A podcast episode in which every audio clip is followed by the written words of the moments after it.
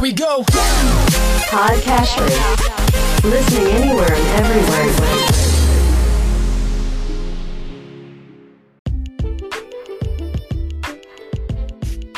Welcome to Weekly Investment Podcast bersama saya Ferdian Syah Putra dari Ispring Investment Indonesia untuk Prudential Indonesia. Indeks saham merupakan kumpulan berbagai saham-saham perusahaan yang bergerak di berbagai bidang usaha atau industri. Karena banyaknya variasi jenis usaha, maka dikelompokkan dalam klasifikasi industri tertentu. Secara sederhana, tujuan dari klasifikasi saham adalah untuk memberikan gambaran bagi investor seputar ragam dan variasi saham perusahaan yang diperdagangkan pada Bursa Efek Indonesia.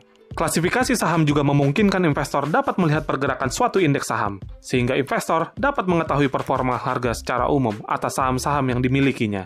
Selain itu, investor juga dapat mengetahui kondisi pasar saham secara umum apabila terjadi perubahan kebijakan dari dalam maupun luar negeri. Semua perusahaan yang mencatatkan sahamnya di Bursa Efek Indonesia diklasifikasikan ke dalam 10 sektor. Ke-10 sektor tersebut didasarkan pada klasifikasi industri yang ditetapkan oleh Bursa Efek Indonesia yang disebut Jakarta Stock Exchange Industrial Classification atau biasa disingkat dengan JASIKA. Segmentasi bisnis JASIKA umumnya didasarkan pada klasifikasi bisnis Indonesia yang diterbitkan oleh Badan Pusat Statistik berdasarkan klasifikasi industri standar internasional. Sektor grup dalam JASIKA diklasifikasikan sebagai sektor primer, sektor sekunder, dan sektor tersier, tergantung pada kegiatan ekonomi utama dari masing-masing perusahaan yang terdaftar.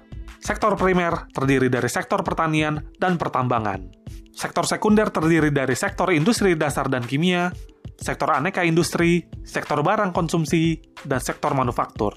Sementara sektor tersier terdiri dari sektor properti, real estate, dan konstruksi bangunan, sektor infrastruktur, utilitas, dan transportasi, sektor keuangan, dan sektor perdagangan, jasa, dan investasi. Dari ke-10 sektor tersebut, berdasarkan data Bloomberg untuk Bursa Efek Indonesia, posisi per 28 April 2020, sejak awal tahun, kinerja terburuk dicatatkan oleh sektor properti, real estate, dan konstruksi bangunan yang turun sebesar minus 42,46 persen. Sektor dengan kinerja terbaik dicatatkan oleh sektor barang konsumsi yang meskipun tercatat turun sebesar minus 13,58 persen sejak awal tahun, tapi tidak turun sedalam sektor-sektor lain.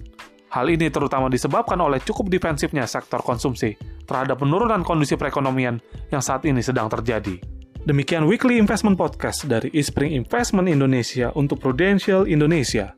Semoga bermanfaat dan salam investasi.